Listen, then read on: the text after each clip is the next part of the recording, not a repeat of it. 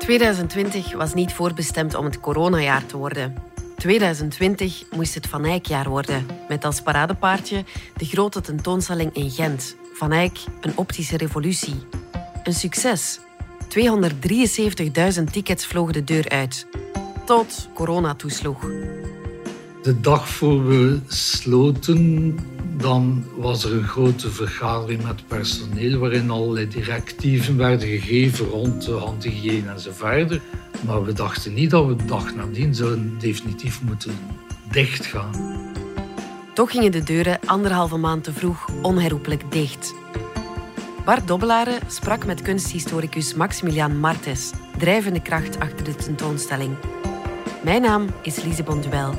Welkom bij Onverwachte Spraakmakers, de eindejaarsreeks van de Standaard Podcast.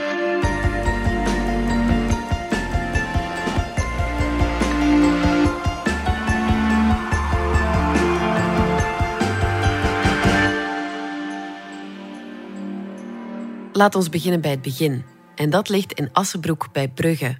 Daar woont kunsthistoricus Maximilian Martens. En dik vijf jaar geleden was hij nog volop betrokken bij de restauratie van het Lam Gods. Uh, ik ben uh, professor Martens, hoogleraar aan de Universiteit Gent. Ik ben sinds 2012 betrokken bij de restauratie van het Lam Gods. In dagelijks bestuur en in allerlei commissies. En tijdens restauratie, en voornamelijk de eerste fase, de buitenluiken, had ik het idee om ja, dat we eigenlijk een nieuwe visie aan het ontwikkelen waren op Jan van Eyck. En dan dacht ik, uh, het zou mooi zijn mochten we daar een tentoonstelling kunnen over maken. Dus dat is een extreem ambitieus idee. We zijn te gast bij de initiatiefnemer van de grote Van Eyck tentoonstelling. Dat is natuurlijk in gesprekken als zo dingen uh, groeien natuurlijk. Ik, ik wil, hoef daar niet de, de, credit voor, maar enfin, ja, het is wel zo dat, dat we die gesprekken begonnen zijn intern en uh, nu ruim vier en een half jaar terug, denk ik, uh, zelf iets langer. Ja, het heeft een tijdje geduurd vooraleer dat we dus dat team hadden, eer dan we een concept hadden. En pas als je een concept hebt, uh, kun je beginnen met bruiklinggevers te benaderen natuurlijk. Hè. Een concept. Professor Martens kan het niet genoeg beklemtonen. Het was niet zomaar een bijeenzoeken van werken van Van Eyck. Er zat een idee achter. En zoals het katholiek geloof begint bij het Lam Gods, zo begon ook zijn tentoonstelling bij het Lam.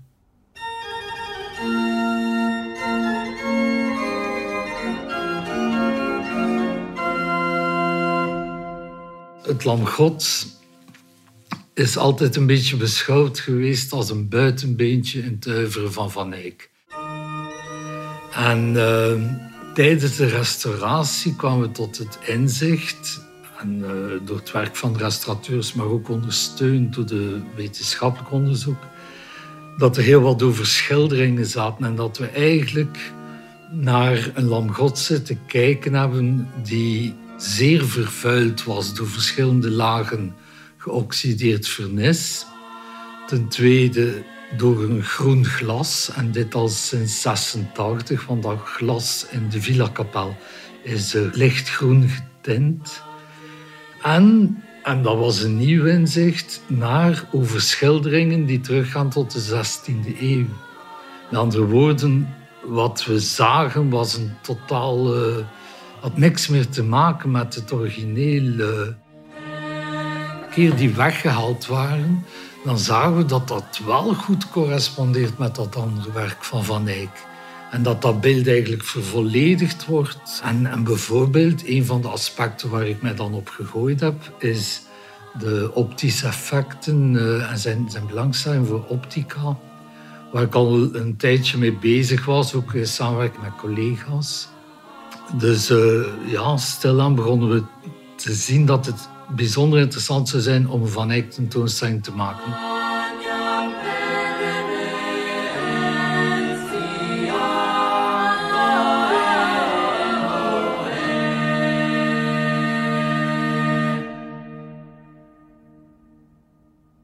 Het is één stap om te bedenken dat je een tentoonstelling wil maken rond Van Eyck. Het wordt pas echt een opdracht als je ook nog eens de werken die je wilt tonen bijeen moet brengen. Want de werken van Jan van Eyck, het zijn er maar een goede twintig, zitten verspreid in musea over heel Europa. Voor Maximiliaan Martens begon een periode waarin hij nauwelijks thuis was.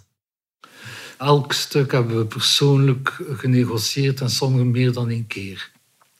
Frankrijk, Duitsland, het Verenigd Koninkrijk, de Verenigde Staten, uh, uh, in Italië ook, eh, Spanje, een beetje overal in Europa. Maar je hebt een nee en, en, een ja kan je krijgen. En het is zo bij, bij een dergelijk project. Ik vind het ten eerste zeer belangrijk om heel duidelijk te kunnen maken waarom een stuk onontbeerlijk is in het concept van de tentoonstelling. Dus dat concept moet heel scherp geformuleerd zijn en elke argumentatie voor elk stuk moet zeg maar, refereren naar dat concept. En dat hebben we dus gedaan voor elke bruikleen. Natuurlijk ken ik ook de mensen en was dat niet zo moeilijk uh, om contacten te leggen. En, uh, en dan zijn we beginnen negociëren. En sommige, de meeste waren terughoudend. Maar eens een aantal bruiklenen binnen hadden, voornamelijk ook dan het feit dat we voor het eerst de buitenluik van het Langots konden tonen in een tentoonstellingscircuit, waarbij mensen vrij dicht al die details konden zien. Ja, alle collega's begrepen ook wel dat dit een unieke tentoonstelling zou worden. En dus ontstond er stilaan een soort lawine-effect van goedkeuringen. We hebben nooit het idee gehad van we moeten er zoveel mogelijk hebben. Want we wisten, het is niet mogelijk. Sommige stukken, dat weten we zeer goed, die zijn veel te fragiel om te reizen. Daar zouden veel te grote risico's mee gepaard zijn. Maar het lukte. Maximiliaan Martens en zijn collega's konden veel topstukken naar Gent halen. Ja, het is geleidelijk. Het is een emotionele rollercoaster. Het eh, binnenlopen van dat nieuws. Ja, je krijgt een weigering en dan denk je... Eh, we gaan het daar niet bij laten, we gaan het toch nog eens proberen. Eh. Maar zoals ik zei, als sommige grote collecties dan een fiat geven zijn kleinere collecties meer geneigd om dan ook mee te gaan. Want dan wordt het natuurlijk uh, al meer een prestigeproject. En dus een bruikleen van de National Gallery in Londen, dat opende dan weer deuren voor vooral een stuk dat nog nooit de National Gallery had verlaten. Ik spreek dan over het portret bekend onder de naam Timotheus of uh, Leal Souvenir. En toen we die bruikleen kregen en, en op de koop toe, werd het dan nog voor ons gereinigd om in de tentoonstelling te komen, wat dus ook uh, al uniek was. Ja, dat trok dan andere mensen wel over de streep. Ja.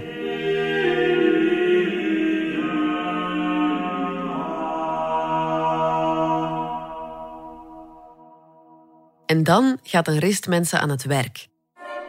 De overeenkomst van al die bruiklenen moet worden geregeld. Zorg dat er een verzekeringspapieren, audioguides en de schilderijen moeten worden opgehangen natuurlijk. S'nachts droomde Maximiliaan Martens van de tentoonstelling. Ik kon er met mijn ogen gesloten s'nachts doorlopen en ik wist alles aan. Dus ik was wel goed vertrouwd met de opstelling. Maar dat is ook zoiets, en de, de, dat wordt te vaak over het hoofd gezien maar de mensen van de, van de scenografie hebben ook een ongelooflijk werk gedaan. Niet alleen esthetisch en, de kleurstelling en de belichting, die, die fantastische sfeervol was, maar uh, ook qua veiligheid. Hè. De techniek, vitrines zijn natuurlijk geconditioneerd, er zit daar heel veel techniek in. Uh, en die mensen hebben fantastisch werk geleverd ook. We zijn eind januari en het is feest in Gent. De grote tentoonstelling gaat open. De belangstelling was gigantisch. Dat, dat was overtrof onze verwachtingen. Wij hadden gemikt op een 250.000 bezoekers. We zaten er, wat ticketverkoop betreft, ferm over. Waardoor dat we al moesten uitkijken naar langer open blijven. Wat mij enorm heeft getroffen was de gigantische positieve eh, respons van de wereldmedia. We hebben eigenlijk geen enkel artikel gehad, zelfs in de meest kritische kranten, Le Monde enzovoort, uh, maar nooit een negatieve kritiek. Integendeel, dat was altijd vol lof eigenlijk. En we hebben nu uh, van Apollo, die International Art Magazine, wat wat het meest gelezen kunsttijdschrift ter wereld is, uh, hebben de annual award gehad voor tentoonstelling 2020. De tickets vlogen de deur uit. In geen tijd waren er 273.000 verkocht en het einde was nog lang niet in zicht. Februari ging voorbij in een roes. Het werd maart. Corona? Professor Martens had er amper weet van. Ik moet zeggen, ik was uh, zodanig op aan het gaan in die tentoonstelling en alles wat erbij komt. Elke dag rondleidingen, uh, veel lezingen, dat ik uh, niet veel aandacht had gehad voor de actualiteit, zeg maar begin maart. Ik persoonlijk, ik niet alleen, heel wat mensen minimaliseerden het probleem. En ik herinner me, ik was rond 1 maart in Portugal voor een vergadering in Lissabon. En, uh, en daar dacht ik nog, uh, dat, dat waait wel over. Ja, 14 dagen later zaten we in lockdown. En de dag voor we sloten, dan was er een grote vergadering met personeel waarin allerlei directieven werden gegeven rond de handhygiëne en zo verder. Wat toen in de media al heel duidelijk naar voren kwam. Maar we dachten niet dat we de dag nadien zouden definitief moeten dichtgaan.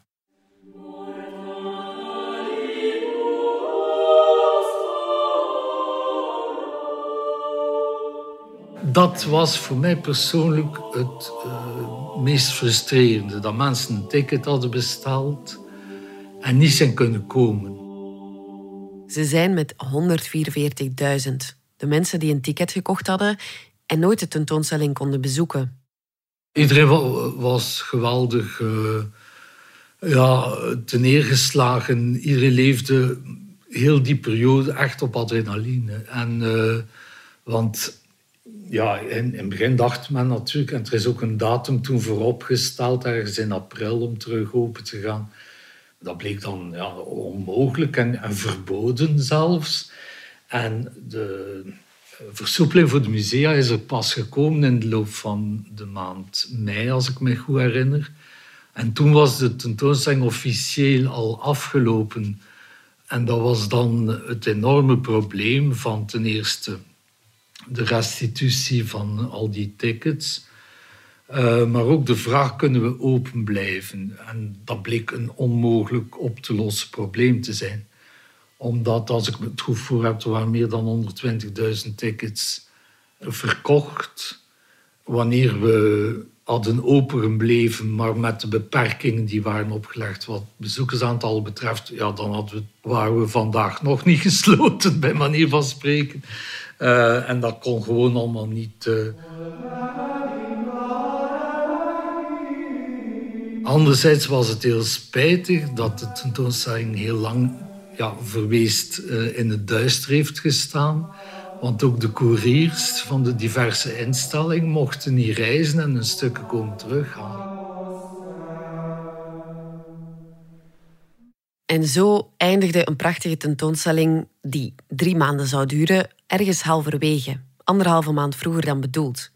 Het museum zette met Maximiliaan Martens nog wel een mooie virtuele rondleiding op poten, die al 800.000 keren is bezocht. Maar hoe mooi ook, het internet is toch de echte wereld niet. 2020 was natuurlijk voor alle musea een moeilijk verhaal. We halen er even onze cultuurredacteur Geert van der Speten bij. Geert, wat heeft corona eigenlijk betekend voor de musea? Ja, de musea zijn eh, twee keer dicht geweest dit jaar. Eh, de eerste keer bij de eerste lockdown, toen de hele cultuursector lam lag. Mhm. Ze zijn als eerste terug kunnen herbeginnen.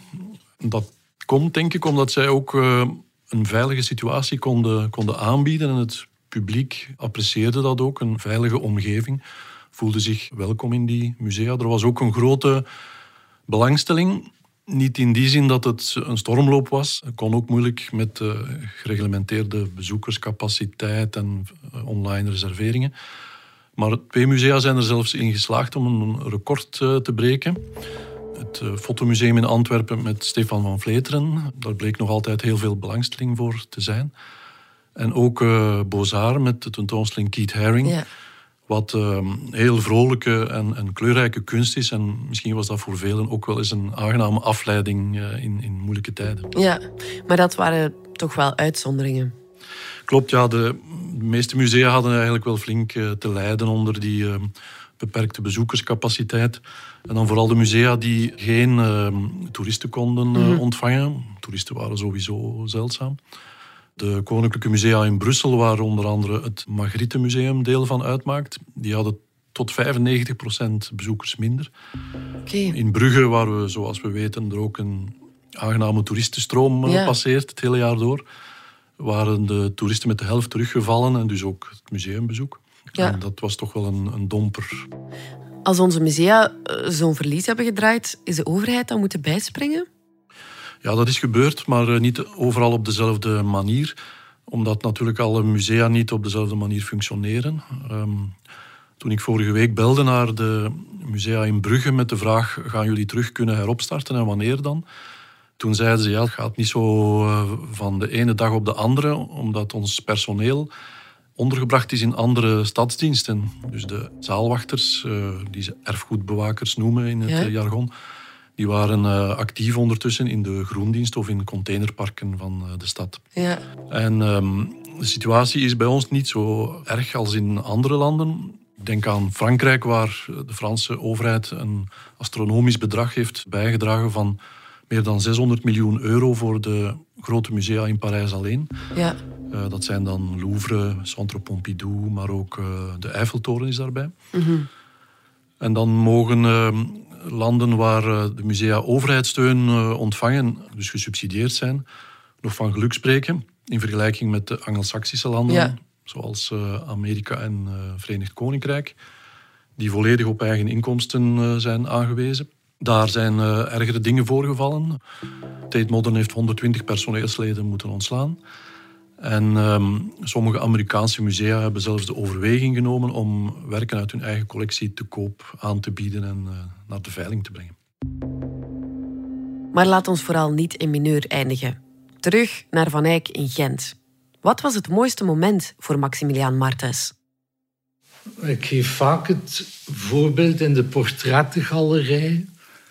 Uh, toen ik daar dan alleen stond en met die... Uh, sfeervolle, nogal uh, gedempte verlichting. En je zag al die mensen naar u kijken, want ze kijken allemaal naar de toeschouwers. Ze zijn allemaal geschilderd alsof ze uit de duisternis in het licht treden. En, en het lijkt wel of dat ze naar je toe komen. En ik realiseerde mij dan dat ik eigenlijk omringd was met de mensen die Van Eyck zelf kende. Zijn echtgenote, een vriend, een collega, een diplomaat met wie hij gereisd heeft in, opdracht van de hertog, zijn stichters enzovoort. Dus al, allerlei mensen die, die tot zijn sociaal netwerk behoren. En dat was een ervaring die je absoluut op geen andere manier kunt creëren. En die werkelijk dicht brengt bij, bij uh, ja, die historische realiteit. Voor mij was dat een bijzondere ervaring. Dit was de podcast van de Standaard. Bedankt voor het luisteren. Wil je reageren? Dat kan via podcast.standaard.be. Luister ook zeker naar onze andere onverwachte spraakmakers. Die vind je op standaard.be-podcast, net als de credits van deze aflevering. Na de kerstvakantie zijn we terug met onze dagelijkse podcast.